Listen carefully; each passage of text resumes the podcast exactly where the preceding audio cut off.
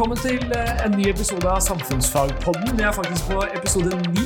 Eh, Det begynner å bli mange. Eh, Det er fortsatt meg, Even, og Med Karoline. Som eh, sitter her eh, på fredag, fredagene og, og lager podkast. Så den blir lagd på fredag og sendt ut på mandag.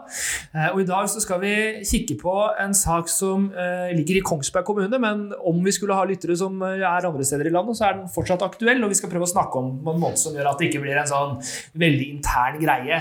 Nei, for vi løfter jo det her opp på et faglig, prinsipielt nivå, og da handler det om, rett og slett om lokaldemokratiet og muligheter ungdom har til å påvirke politisk i sine kommuner. Ja, og saken er den at eh, vi i Kongsberg har hatt utfordringer med eh, altså elevenes psykiske helse, kan vi vel si, og, og hatt, hatt en stri tørn der som ungdommen har vært veldig, veldig engasjert i.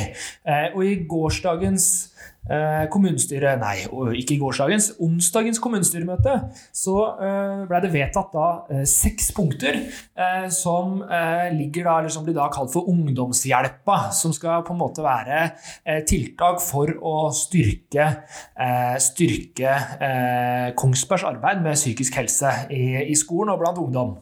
Og det her er tverrpolitisk enighet om, så alle partiene eh, i utgangspunktet eh, er eh, har stemt for dette. Så her er det enighet i Kongsberg, så det er veldig veldig bra. Jeg skal raskt gå gjennom hva disse tiltakene er. og Det første er å frikjøpe en kommunepsykolog som skal direkte, jobbe direkte mot barne og barn og ungdom. Det andre er at det skal ansettes en høyskoleutdanna med videreutdanning innenfor psykisk helse barn og, for barn og unge. Og en mannlig helsesykepleier. Det skal inngås et forpliktende avtale med Fontenehuset. Og Fontenehuset er jo et, et tiltak der hvor, eh, hvor de har ekstra kompetanse knytta til de tingene her, og, og som kan avlaste og hjelpe skolen eh, i, i, eh, i disse situasjonene. Og så er det å etablere en psykologstilling i seksjon for psykisk helse og rus for å styrke lavterskeltilbudet tilpasset brukernes behov.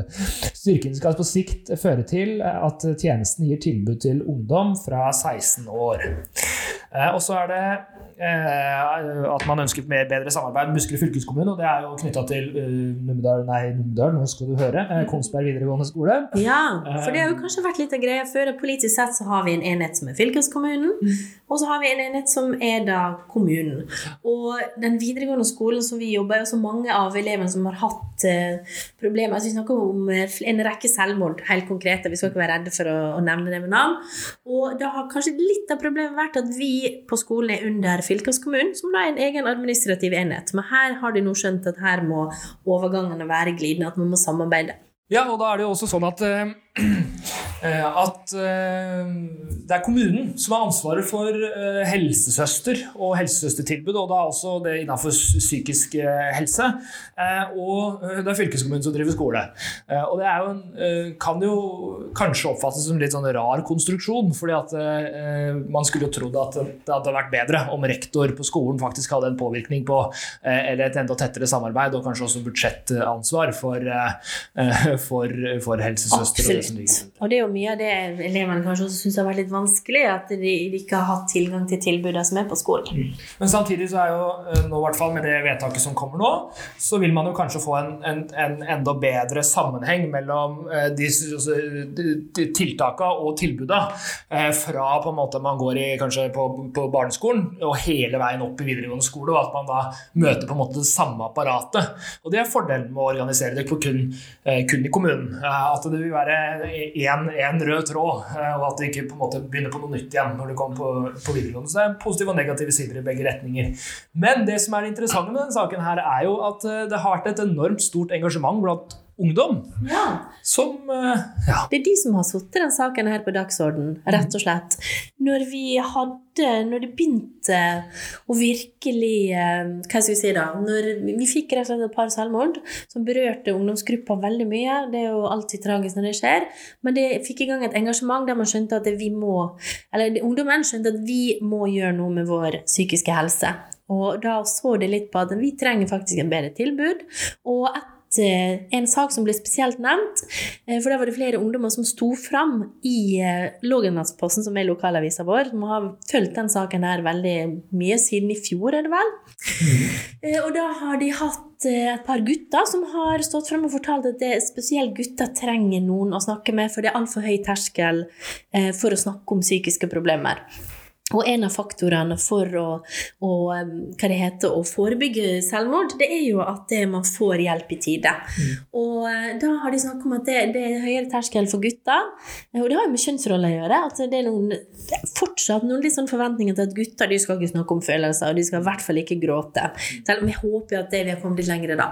Og da var det en av de tingene de ønska seg var en helsebror istedenfor en helsesøster.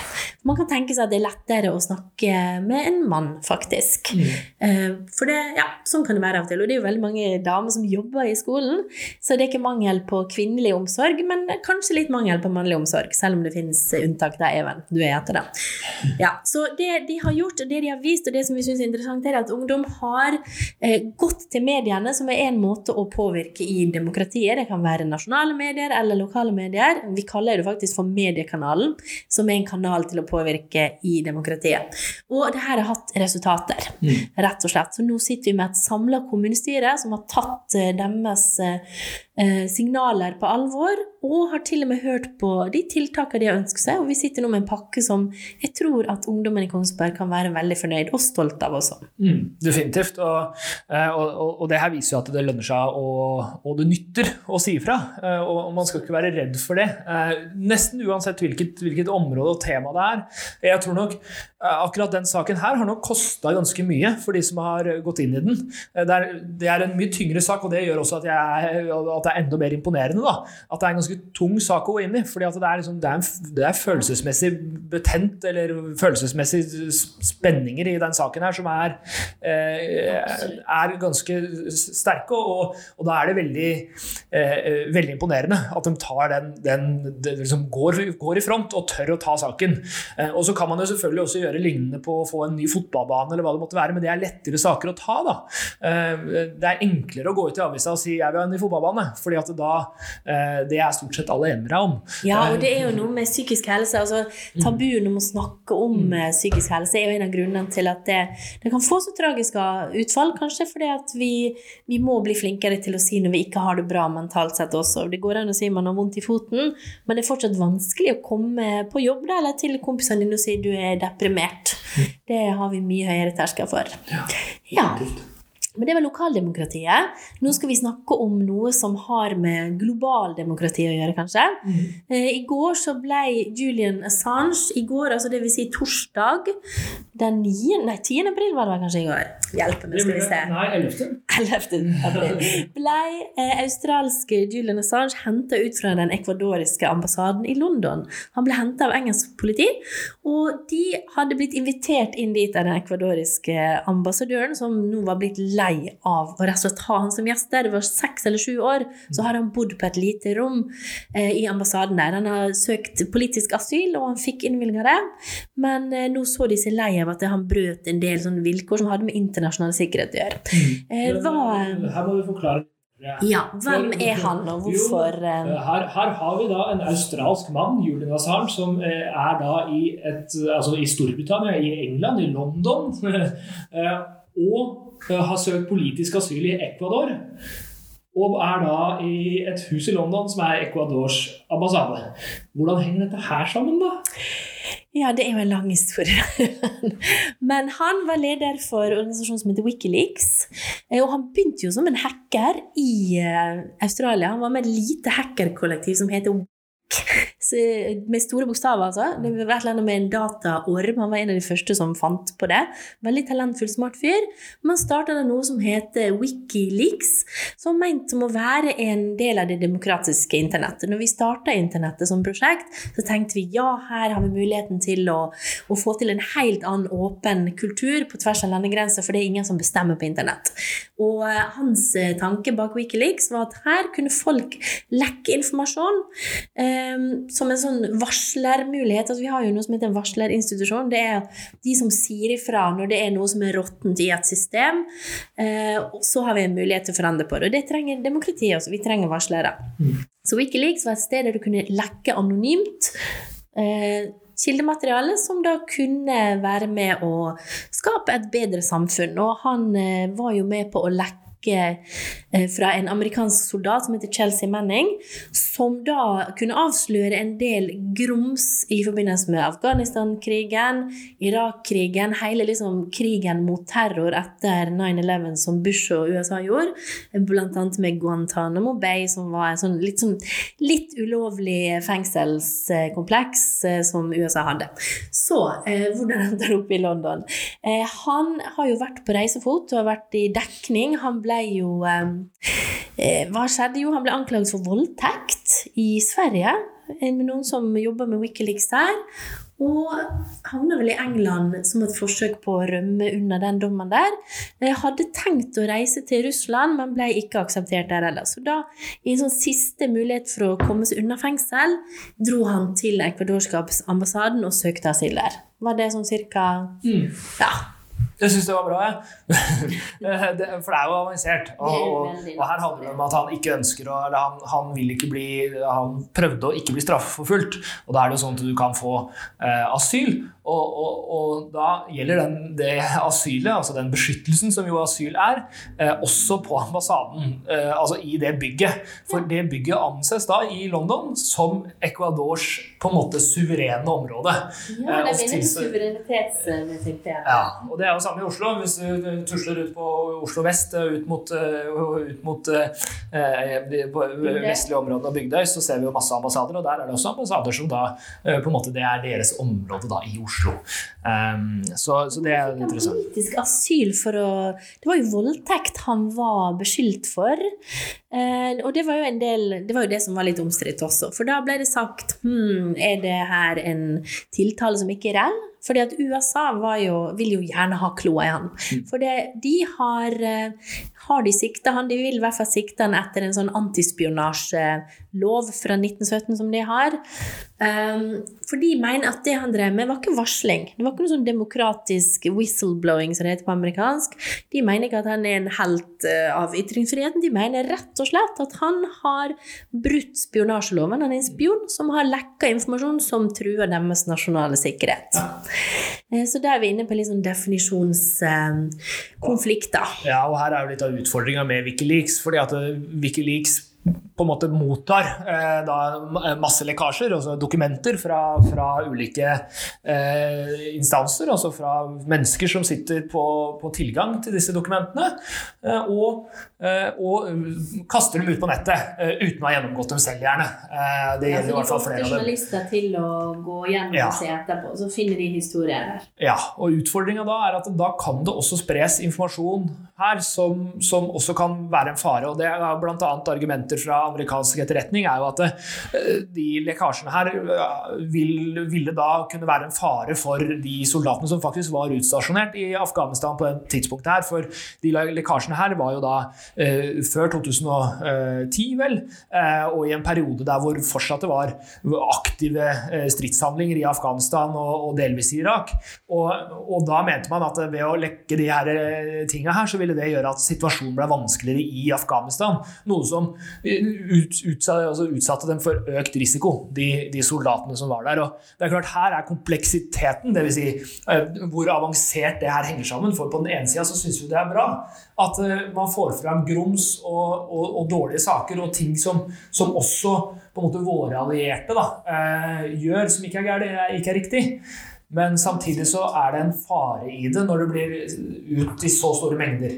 Og det er jo litt sånn forskjellen her på en journalist som jobber eh, og, og, finner ting, så vil de i noen tilfeller la, la være å, å, å, publisere det og legge det ut. Ja, de må ta en vurdering, ja. rett og slett.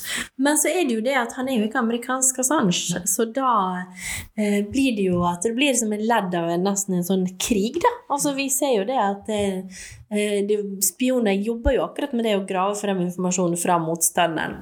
Eh, men hans idé var i hvert fall å prøve å styrke demokratiet. Og en ut, skal vi se hva heter han, jeg har ikke det foran meg nå, men i hvert fall en representant for en uh, organisasjon i USA som har med journalistikk å gjøre, sier jo at han er bekymra hvis at Assange nå blir tillatt under den, nei, tiltalt mm. under den spionasjeparagrafen, eh, fordi han mener nettopp at det kan sette en farlig presedens på Eh, journalister som jobber i USA med å grave fram informasjon som kanskje kan være ubehagelig for administrasjonen. Vi kan tenke oss Med Trump i tet så er det nok en god del grus. Mm. Bare, det, det tror jeg i hvert fall. Det tror de fleste antar.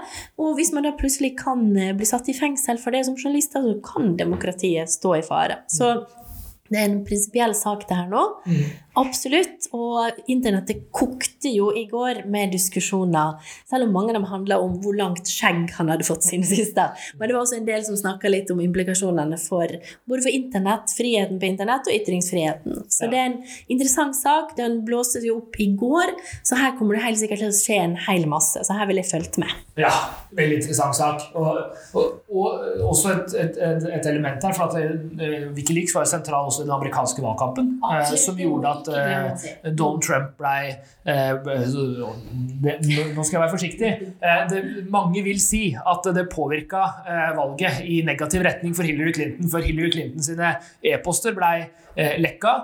Og også til den sentrale komiteen i, i, i, altså i, Det demokratiske partiet, som da man, man slapp e-postutvekslinger der også, som bl.a. sa at Bernie Sanders hadde blitt, blitt på en måte holdt tilbake av, av Det demokratiske partiet.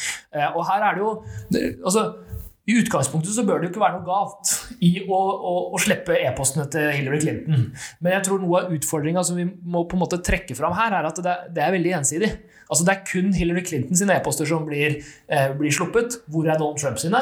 Eh, det er den ene sida av det. For det er klart at hadde, hadde Wikileaks sluppet eh, e-postarkivet til både Donald Trump og Hillary Clinton, så hadde vi jo hatt en jevnbyrdighet her. Og da kunne man jo gått inn og granska begge kandidater. Men her er vi i en situasjon der hvor den ene kandidaten på en måte kan legge lokk på sine, sin kommunikasjon og hva den har gjort, mens den andre kandidaten er på en måte eh, blir, blir blottstilt. Ja, og det som er resultatet det de fant her, var jo rett og slett at det, hun hadde hatt e-mailene på en egen server hjemme. For hun er rett og slett ganske dårlig med datateknologi.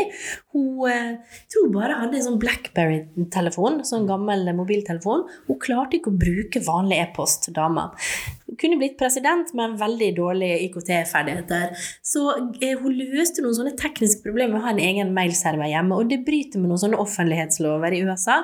Men det var det hun ble tatt for, men det gjorde at hun ble under etterforskning av var det FBI da, eh, under valgkampen, og det fikk jo til å se ut som en skurk, og det brukte jo motstanderne for alt det er verdt. Og så kom de gærne konspirasjonsteoriene om at hun var pedofil, men det var jo ikke det det var snakk om. Det de fant, var bevis for egen mailserver. Basta. Det var alt. Ja, og så, så, er det jo egentlig så enkelt forklart at uh, hun skal bruke den offisielle mailen. Dvs. Si, uh, ut ifra hvor hun, hun, har posisjonen sin. Da. Men altså Hillary.clinton at gov. Ikke sant? Så, sånn at det er den amerikanske staten som styrer med e-posten. Her er det nok å, å, bryte de reglene her, så er det nok å, å, å drive kommunikasjonen din gjennom en gmail-konto.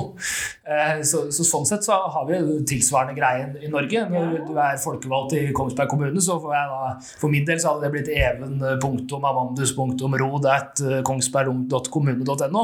Og da bør jeg jo bruke den e-postadressen. Men her har vi ikke de reglene, så her kan jeg drive min kommunikasjon gjennom også en gmail-konto. Eh, og det her har med sikkerhet å gjøre. ikke sant? Og når du kommer på så høyt nivå som Hillary Clinton, som bl.a. var utenriksminister i USA, så, så kreves det en beskyttelse eh, mot, eh, mot, hennes eh, kommunikasjon. Og det, eh, det, er jo det hun har brutt, som du sier. Det er det som er på en måte det straffbare i situasjonen.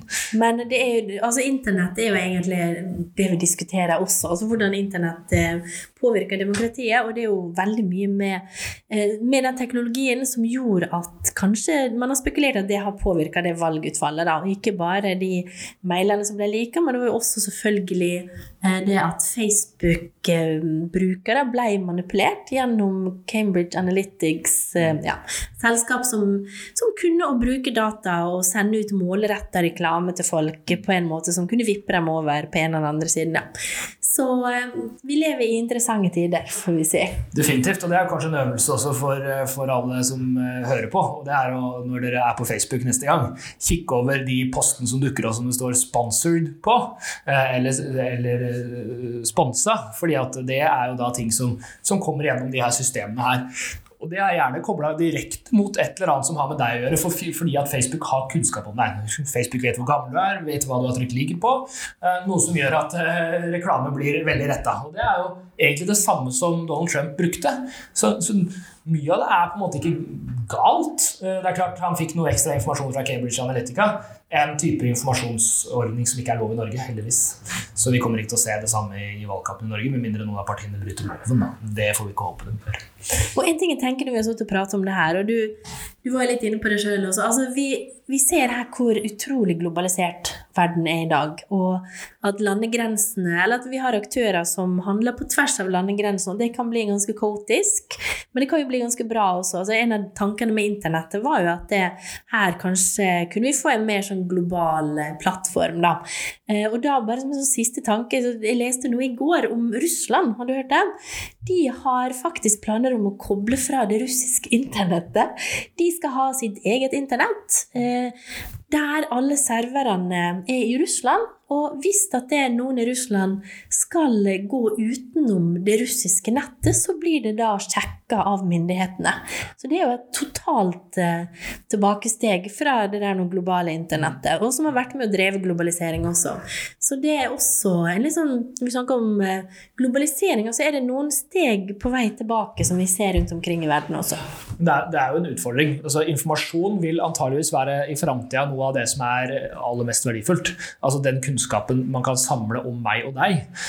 Og sånn det fungerer i dag, så går jo veldig mye av internettrafikken gjennom ganske få kabel. Det går én kabel fra, fra, Storbritannia til USA, og hvis du på en måte setter et filter da, i den ene kabelen, så vil du kunne overvåke all altså alt som skjer, all kommunikasjon mellom Storbritannia og USA. Og det ble jo også gjort. Det var jo en annen varsler, han eh, Edward Snowden, viste jo det. Mm. Han jobber for NSA, altså National Security bla, bla, altså, Association. Ja, bla, bla, bla. Var ikke så veldig god forklaring. Og han så jo akkurat det, at de kablene ble overvåka. De ble tappa av eh, USAs eh, etterretning. Og det er jo også en av årsakene til at Russland sier at de vil ha, sin, ha kontroll over sin egen datatrafikk, for de vil jo rett og slett ha kontroll kontroll over egen informasjon. Og de er jo også Altså, vi har jo nesten en litt sånn kald krig mellom USA og Russland nå. Eh, de, de, driver jo med hacking av hverandres institusjoner. Altså, hva heter det? Eh, elektronisk krigføring er jo faktisk en greie. Mm. Så, eh, og, men for Russland er det også veldig viktig å kontrollere den informasjonen som borgerne har, og det ser vi jo. For de, jo, de har jo gått fra å være et demokrati til å være et mer autoritært regime. Og i land som Kina så har jo det tatt den helt ut. Du kan ikke søke Den himmelske fredsplass i Kina, f.eks. Da kommer det ikke opp noen ting. Eh, og så har de jo brukt det der nå som du snakker om, de, den overvåkninga av medborgere har de tatt til en helt ny Eh, strategi der de faktisk gir eh, folk internettpoeng. Mm. Eh, hvis du gjør bra ting, har gode venner på internett og sånne ting. Så eh, demokrati og internett, jeg tror nok det henger mye sammen. Ja, det blir veldig interessant å se hvordan det her utvikler seg også. Fordi at eh, Eh, den utviklinga Russland legger opp til her. Det er ikke utenkelig at det er flere land i verden som ser for seg en, en tilsvarende greie. Og i hvert fall med tanke på altså, Kan hende vi får se da noen allierte som, som samarbeider her. altså At vi ser f.eks. at vi i EU får en felles, eh, felles, samling av vår data. Eh, og at man får ordninger som gjør at du, du ikke får den der enkle speilbildeovervåkninga som du kan gjøre med, med, dagens systemer. For det er jo egentlig en ganske naiv eh, greie, internett fordi at eh, vi, det, det, ligger på en måte veldig blottstilt, og det skal ikke så mye til for å på en måte eh, bli, bli hacka. Da. Nei, jeg tror nok skurkene ligger et hakk foran myndighetene, i hvert fall, ja. når det gjelder kunnskap om den teknologien. Så. Og det skumle her er jo altså, Nå lever vi i en ganske fredelig verden, i hvert fall i stormaktene. Altså, det er ikke sånn at vi har en Vi har ikke en krigssituasjon mellom altså, Kineserne er rolige, russerne er rolige, USA er rolige. Eh, også Brasil, India eh, og den type land er rolige. Eh, og ikke noen sånne store, bitre konflikter. Men vi, hvis man ser for seg en konfliktsituasjon som ligner på, på det vi hadde på begynnelsen av 1900-tallet, med første og andre verdenskrig, og med den informasjonstilgangen og informasjonsflyten vi har i internett i dag, da ser ting plutselig annerledes ut. Så, så det ligger noen utfordringer ved internett som, som, på en måte medium og system, fordi at det, det, det, er så ekstremt kraftfullt. Så det funker veldig bra når vi har gode ledere, snille ledere, sånn som vi, vi stort sett har. og Man kan diskutere Donald Trump, men, men ut ifra alt vi vet om Donald Trump, så, så kan vi ikke putte den i kategorien liksom, ond leder. Eh, og, og, så kan man kanskje diskutere Vladimir Putin litt eh, mer, som kanskje har en litt mer hang mot en negativ retning. Men det her er interessant på, på, på, på, lang sikt. Hvordan er det internett utvikler seg? Hva, hva, blir det? Og det vet vi ikke så mye om i dag. Vi gjør ikke det, men jeg tror det er trygt å si at hvordan det utvikler seg, vil også påvirke hvordan samfunnet utvikler seg. Ja. Men så er det jo de gode tingene med internett også, da, sånn som Netflix, mm. eksempel. Og nå er det jo snart påskeferie, ja. så da hva har du tenkt å se på på Netflix? Har du noen påskekrim-anbefalinger, eller? Vet du hva, jeg, er fryktelig dårlig til å se på Netflix. Men, eh, men, eh, jeg har sett på Ozark, som er en veldig kul serie. Som, eh, som handler om en person eller en familie i USA som driver med hvitvasking av penger. Og som handler opp i utrolig mange vanskelige situasjoner. Mye god samfunnsfag i den, altså, for det handler litt om normer. og Plutselig så har du et nytt verdisett og en ny norm. Sånn gjør vi det her. Og en anbefaling for meg er jo Black Mirror-serien som ligger på Netflix når vi snakker om internett og samfunn, så er det litt sånn framtidsvisjon av hvordan ting kan gå hvis vi fortsetter med den teknologiske utviklinga. Så det var min anbefaling. Bare si god påske. Ja, god påske.